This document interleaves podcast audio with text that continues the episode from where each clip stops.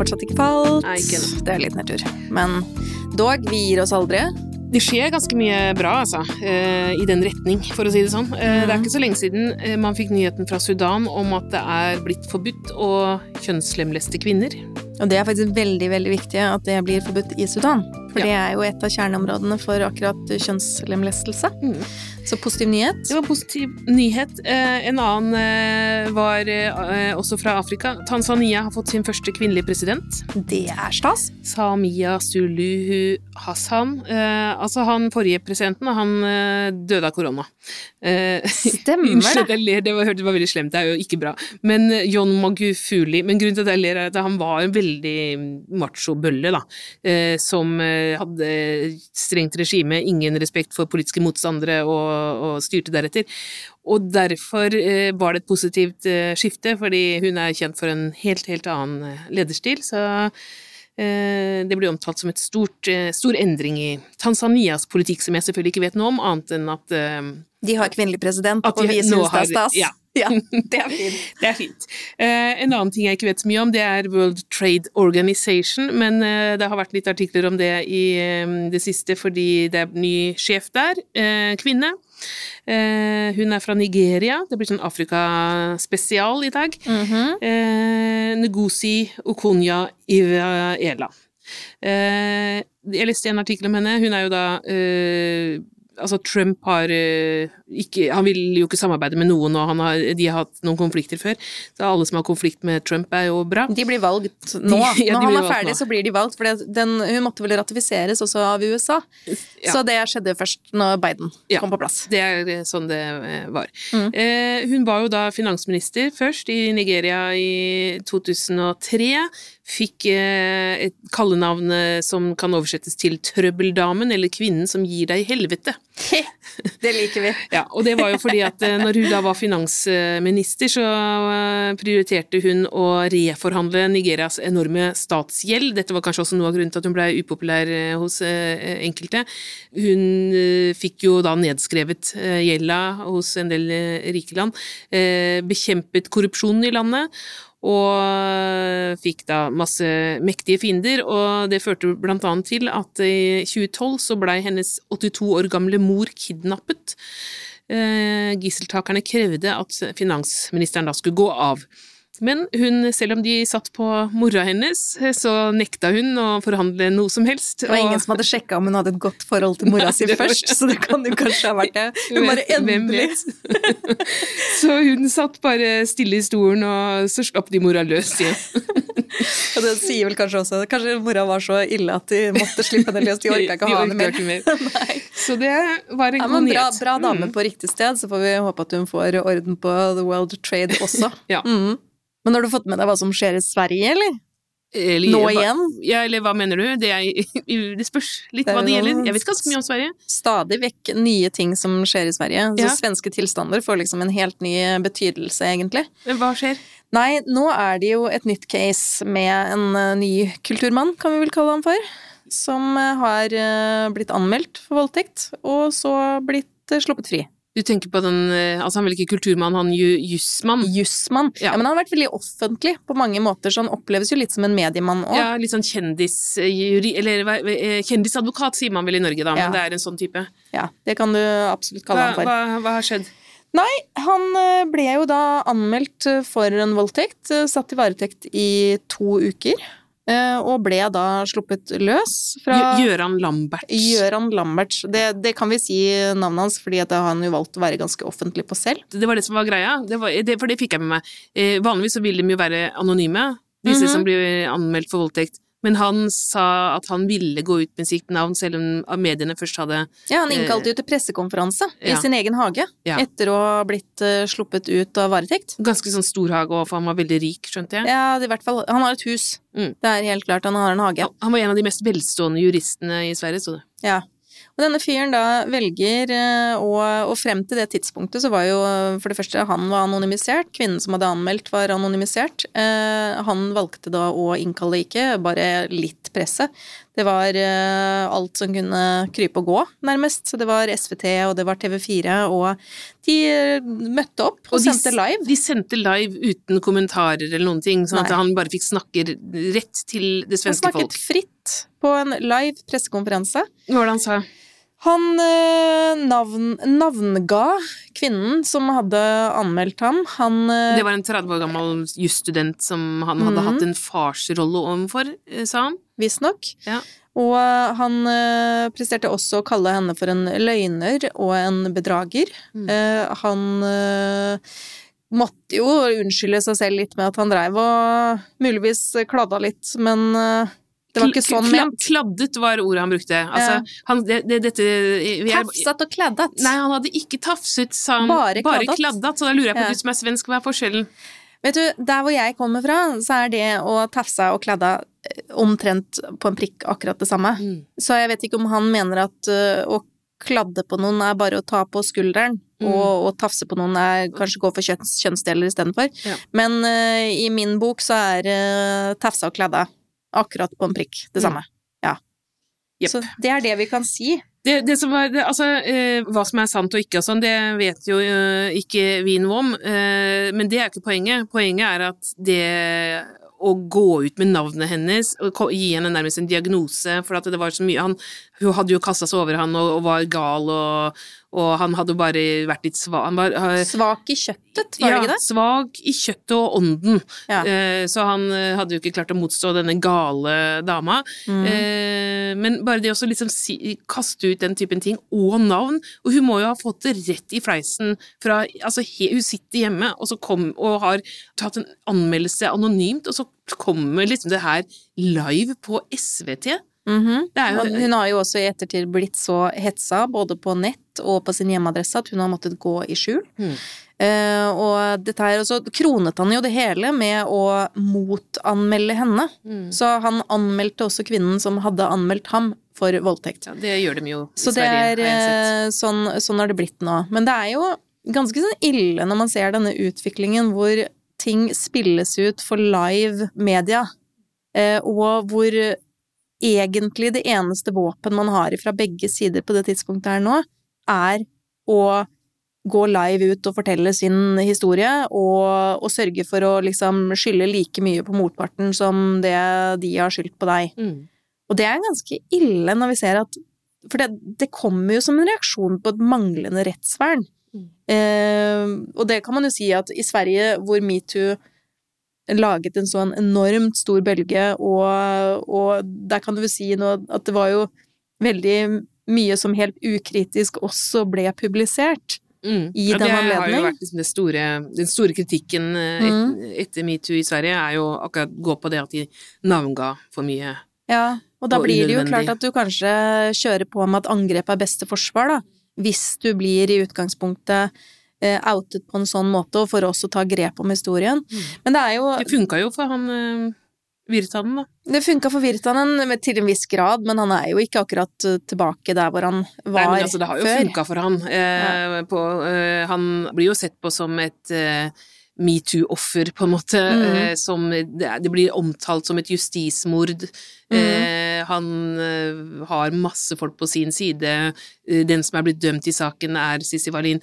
Sånn at eh, alt i alt så, så føler Så jeg jeg at han si, har ja. eh, At det, den taktikken da, som han her nå prøver seg på, er eh, Funka jo for Virtanen, så det skjønner jeg jo at man Og det er jo samme som nå da, det er en komiker i Sverige som heter eh, Soran Ismail, mm. eh, som nå eh, også har vært eh, anmeldt for voldtekt og for frihetsberøvelse og for, tror jeg, mishandling, men også blitt frikjent på, på de punktene, eh, som også nå får en SVT-dokumentar i to deler, hvor han fritt kan fortelle sin historie.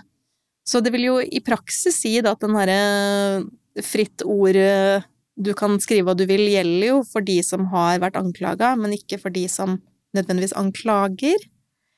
Ja, det er er sikkert noen som er uenig med deg Ja. i det, men kanskje man liksom Ja, jeg tenker jo at veien videre kan jo ikke Altså, vi snakker jo om mer åpenhet rundt voldtekt, og, og vi vil jo at disse temaene skal være i media på mange måter, men ikke sånn som det er nå. Altså, vi, det er på en måte tatt helt uh... Altså, kampen kan ikke stå der. Nei. Og det er jo egentlig det som jeg, jeg liksom De må jo i rettssystemet, men det er, problemet er at de ikke de havner der. Nei. Fordi eh, det blir avvist på bevisets stilling, og da blir man jo helt rettsløs da, som voldtektsoffer. Mm. Men selvfølgelig, man føler seg jo helt rettsløs også hvis man har blitt outa i, Som voldtektsmann. Ja. Så da blir plutselig media det stedet hvor det skal skje, og etterpå bokform og dokumentar, og ja. Og så holder vi det gående. Men Ja. det er jo egentlig det som må i så stor grad komme opp nå, for det er jo klart at alle skal jo ha et rettsvern, men sånn som ting er nå, så er jo egentlig sånn jeg ser det når jeg ser på hvem som blir dømt for voldtekt, det er de som har vært serieovergripere, Mm. eh, hvor det fins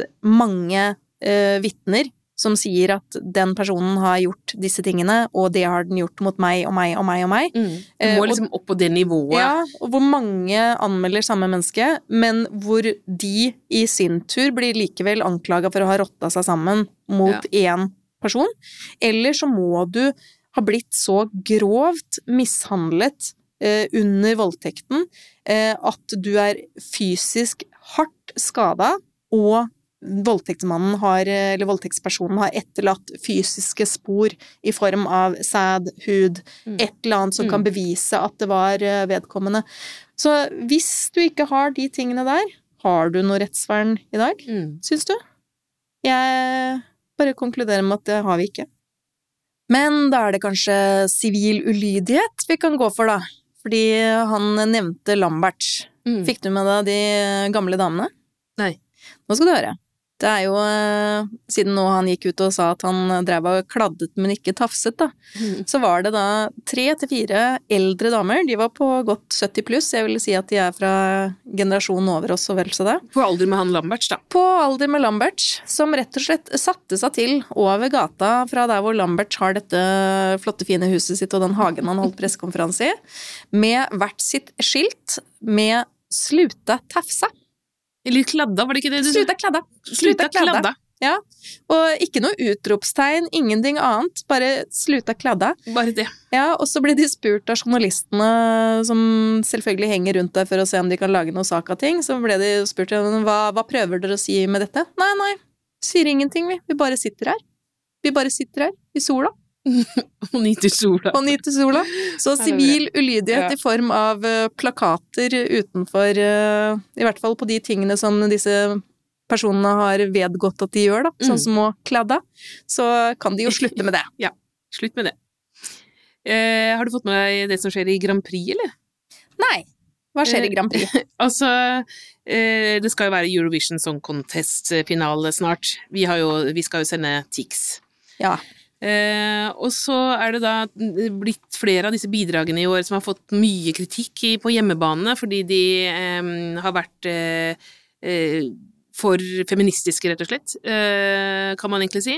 Eh, det ene da er en låt som heter Russian Woman av sangerinnen Manisa.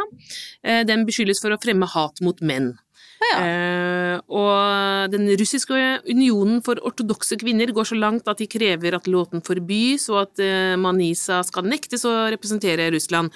Eh, I, I den låta, så, i teksten, da, så oppfordrer hun da russiske kvinner til å stå opp for sine rettigheter, eh, og snakker om eh, sexisme og skjønnhet og alder og presset på å få barn. Så hun tar egentlig opp masse sånn dagsaktuell feministisk eh, tanker i, i Russland i en poplåt. Syns det høres veldig kult ut. Ja, ja. Men eh, det er i hvert fall veldig mye motstand, da. Eh, og så er det en annen låt som har fått tyn, og det er Kypros. Elena Sagrino Jeg er veldig dårlig på utenlandske navn, hører jeg. Eh, hun har da en låt som eh, heter El Diablo, altså Djevelen. Og det er egentlig en sånn Det er en kvinne som synger eh, Eller det er en historie om en kvinne som er forelsket i en mann som er kjip og slem. Så hun omtaler han som liksom djevelen, eller en Ikke sant? I gave my heart to El Diablo. It's heaven in hell with you. I love El Diablo. Hun kommer seg ikke unna han da. Det er en sånn type historie, men dette er djeveldyrkelse tilbedelse. Eh, og det, hun Å ja, tilber det, liksom det Fordi hun sier liksom at 'jeg elsker djevelen', da. Så eh, hun, hun har jo prøvd å si nei, det er ikke det det handler om. Så er det noen eh, ortodokse nede på ja. Kypros også som uh, syns dette er litt vanskelig. Satanistisk låt som promoterer tilbedelse av djevelen. Vi vil heller sende en låt som fremmer Kypros sin historie, kultur og tradisjoner.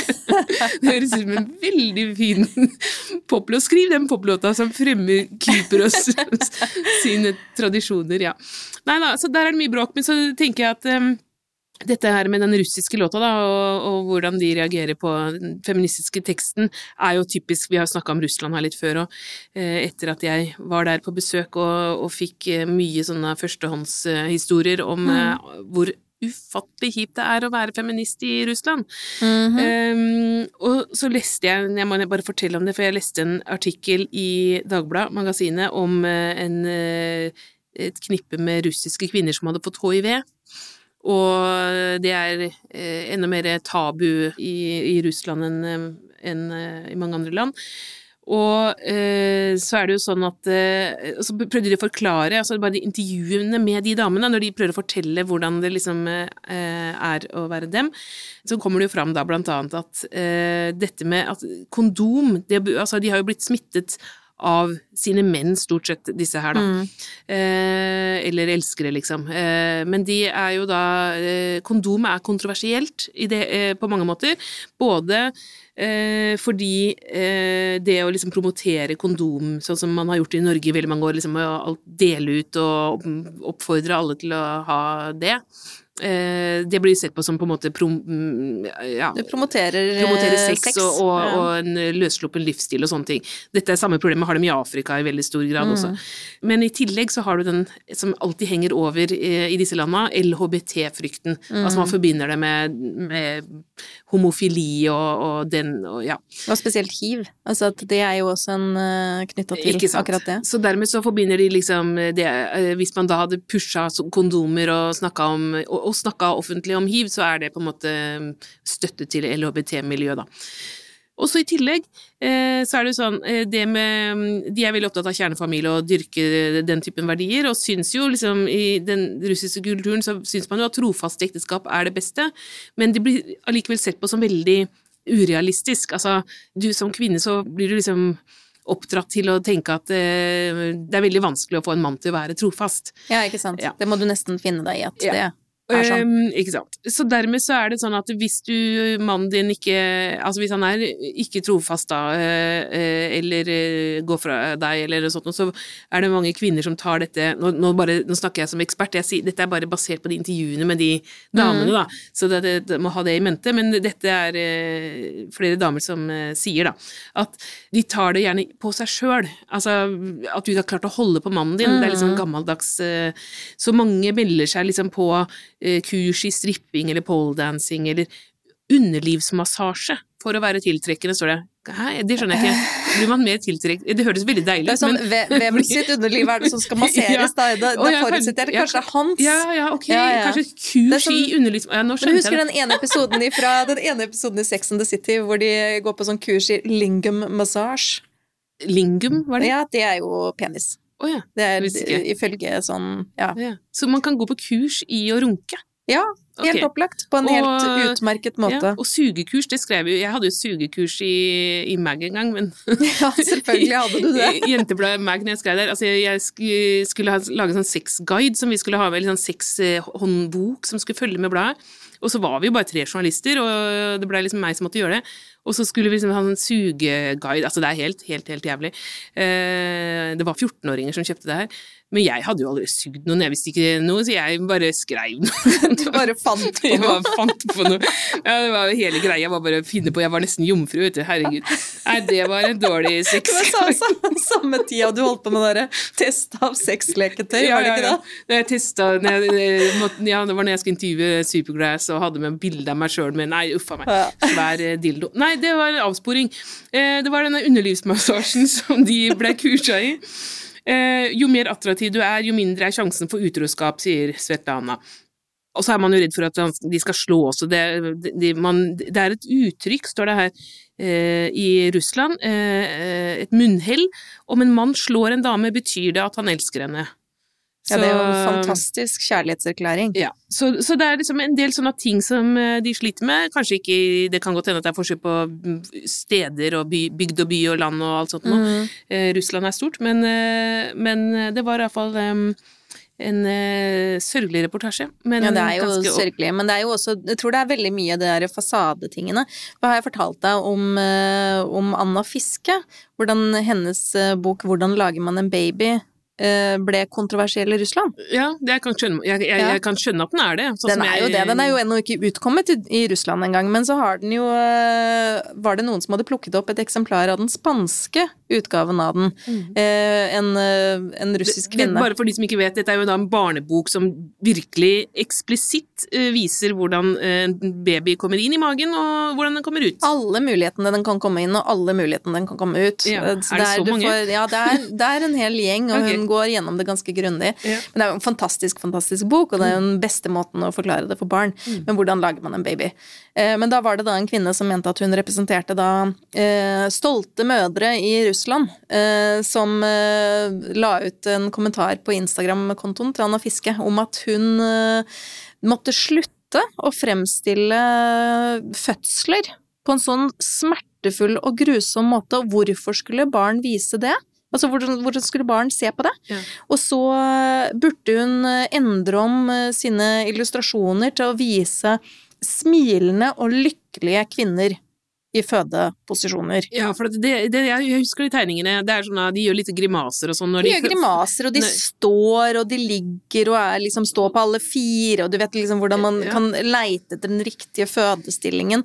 Og hun fremstiller jo dette her. Nei, hun mente at det skulle liksom, de skulle fremstilles pent, smilende, og det var ikke noe vits i å vise hvor babyen kom ut. Nei, akkurat hvilket hull. Nei. Det er best at de lurer litt på hvilket hull Ja, er det det, det er i Mm. magen, og så er den ute. Det er egentlig det de trenger å vite. Eh, heldigvis så sa Anna Fiske at eh, hun forbeholdt seg retten til å vise hvordan det faktisk foregikk. Eh, og håper jo når boka faktisk nå utkommer i Russland, at eh, det fins mange russiske mødre der som syns det samme. For den er kjempefin, og det blir bra. Apropos eh, fanatisk eh, religiøse, så eh, du husker den derre saken vi snakka om her i fjor, og det var en eh, prest oppe i Luster som På eh, Vestlandet. Ja, det blei mye trøbbel fordi at eh, han var den eneste søkeren på stillingen som sogneprest eh, i Luster, og han var da nekta å jobbe med kvinnelige Mm. prester. Egentlig bare litt nysgjerrig på om han har fått levert noen sånne offerfugler og sånn ja, det var det vi sist. snakka om, at de der eh, fuglene som skulle Fra menstruerende kvinner. Ja, hvis du hadde ligget med en dame Hvis du hadde hatt sex når du hadde mensen, Ja. så måtte du ofre noen fugler til presten, eller sånn, var det det? Ja, det var, eh, det var i hvert fall en eller annen ja. Det var noen døde fugler som skulle leveres noe- til presten. Det sto, det sto i Bibelen. Ja, Eh, men noe annet som står i Bibelen, er jo dette med at kvinner ikke skal være prester, da, og det er jo en, no, enkelte bokstavtro prester som står for ennå, blant annet denne Mikael Brun som vi snakka om. Eh, og, og da var det jo sånn at han hadde fått litt støtte fra eh, ulikt hold, eller ikke ulikt, da, fra ganske likt hold. fra, fra likt hold av Ja. andre mannlige prester Andre- som heller ikke ja. vil samarbeide med kvinner. Det var, det, var, det var faktisk noen som ikke hadde den, eh, det utgangspunktet, men som allikevel støtta ham, for de sa at det, det var han som var den svake parten her. Han fikk jo mye negativ oppmerksomhet på dette, pluss at han fikk færre uh, jobber å velge mellom, da, for det er jo ikke alle som vil ha den typen prester. Nei, ingen, håper jeg. Nei, ing- ingen håper jeg heller. Ja. Men, uh, men så var det en av de som støtta han, uh, som sa at jeg er helt enig med han. Eh, Vidar Nes Mygland. Og nå eh, er det liksom samme greia kommet opp igjen, fordi nå eh, skal de ha ny prest i Åmli, som ligger i Agder, og da er det denne Vidar Nes Mygland, altså han støttespilleren, som, har søkt, som er den eneste som har søkt den Ja. stillingen. Så nå er det liksom Åmli som har det problemet da med at man skal, ikke sant, det derre Skal man eh, tillate prester som er kvinnefiendtlige, da. Eh, for jeg tenker at hvis du har den der, eh, hvis du ikke vil samarbeide med kvinnelige prester, mm. så tenker jeg at da har du sikkert en del andre ideer om kvinner òg. Jeg tror ikke det bare er det. Nei, og det er jo hele det der liksom med å være bokstavtro og tolke Bibelen sånn som den ble skrevet for 2000 år siden, som er litt problematisk i vår tid. Tenk hvis man liksom skulle sluppet til prester som, som sto for andre rare ting. Steining, St for eksempel. Ja, alt det der.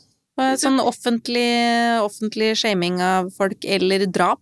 Det er ganske ja. mye som skal straffes, men det er jo i praksis Du skal jo knapt spise reker uten at du skal drepes etterpå. Ja, man skal bli steina for den minste ting. Men det jeg tenker, altså for litt mer eh, realistisk parallell, da, eh, kanskje. Skal man tillate eh, en Eller skal man eh, ønske en prest velkommen i en stilling hvis han sier jeg vil bare samarbeide med hvite mennesker. Ja, ikke sant? Det føler jeg er ganske sånn uh, reell uh, parallell. Ja. Jeg, jeg vil ikke samarbeide med kvinner, jeg vil ikke samarbeide med hvite eller svarte. Det ville man selvfølgelig aldri akseptert, men jeg føler at det, liksom, det er egentlig det samme. Altså, ja, nå står det sikkert ikke noe om det i Bibelen med svarte og hvite, men, men hva, ja øh... Nei, men det står jo noe om slaver. Ja. Så i praksis så kan man sikkert uh, tolke noe i den retningen også. Men det er jo Jeg kan bare ikke i min villeste fantasi forstå hvor Eller jeg kan ikke skjønne hvordan man i Norges kirke i 2021 kan ansette mennesker som åpent sier at 'jeg er for å diskriminere'. Mm. For det er jo i praksis det man gjør. Mm. Man går inn og sier at ja, det er helt opp til deg om du har lyst til å diskriminere kvinner. Fordi at det gir man de jo ok til, når de har sagt helt åpent 'jeg vil ikke samarbeide med kvinner', og så ansetter man de likevel. Eh, og det syns jeg der skal vel eh, Norges kirke være underlagt de ja. samme likestillingsprinsippene og antidiskrimineringsprinsippene som alt annet av arbeidsgivere må forholde seg til. Mm i vår tid. Ikke sant. Og, og jeg mener, det var i 1961 at vi eh, fikk den første kvinnelige presten, og da hadde det allerede vært tillatt eh, en stund. Eh, Ingrid Bjerkås het hun første presten. Jeg, skrev, mm. jeg, har skrevet om henne før i denne tegn, jeg har skrevet en liten tegneserie om henne. Eh, og jeg syns eh, den historien hennes er, også er helt sånn fascinerende, da. Å tenke at det, Um, altså hva hun uh, gikk gjennom. Det var ganske mange som tenker altså Hun er jo kjent liksom som den første kvinnelige presten, uh, men hun var jo også motstandskvinne under krigen. Og uh, det er en biografi, Aud Tønnesen tror jeg har skrevet den, om Ingrid Bjerkås, som jeg anbefaler. veldig fascinerende historie. Hun var jo da fra Asker, 21 eh, år gammel når hun gifta seg, så var, alt var, lå an til å være helt sånn vanlig løp da, for den mm. født i 1901. Eh, gifta seg med en revisor som het Søren, og fikk to barn og ble hjemmeværende husmor, så alt liksom lå der. Men så, eh, da krigen kom, eh, så fikk hun en religiøs oppvåkning, altså det var sånn, hun ble frelst da. Følte seg kallet av Gud til å gå inn i motstandskampen først, det var ikke liksom prestegjerningen. Hun fikk da Eh, det for seg at hun skulle hindre eh, Josef Terboven i å snakke og tale til folket. Så hun eh, ja, gikk til aksjon på, foran slottet der, gikk kjempedårlig, ble arrestert. og så begynte hun å skrive brev til Quisling. personlige, lange brev. Hvordan våger De, herr Quisling? å forræde ditt eget folk og forlokke og forføre nordmenn. Sånn langt sånn -hmm. eh, Han blei helt eh, rasende, selvfølgelig. Og det som var litt interessant, var at man så ikke på henne som da Hun ble ikke stempla som en politisk eh, aktivist, men som sinnssyk. Hun måtte være sinnssyk. Det var liksom en husmor som oppfører seg sånn. Så hun ble, ja, men hun ble sperra inne på Grini. Og så Eh, etter frigjøringen, så var hun da eh, etter altså freden, så hadde hun bare bestemt seg for at nå skal jeg vie resten av livet til Gud. Eh, så var 50 år gammel, så begynte hun å studere teologi.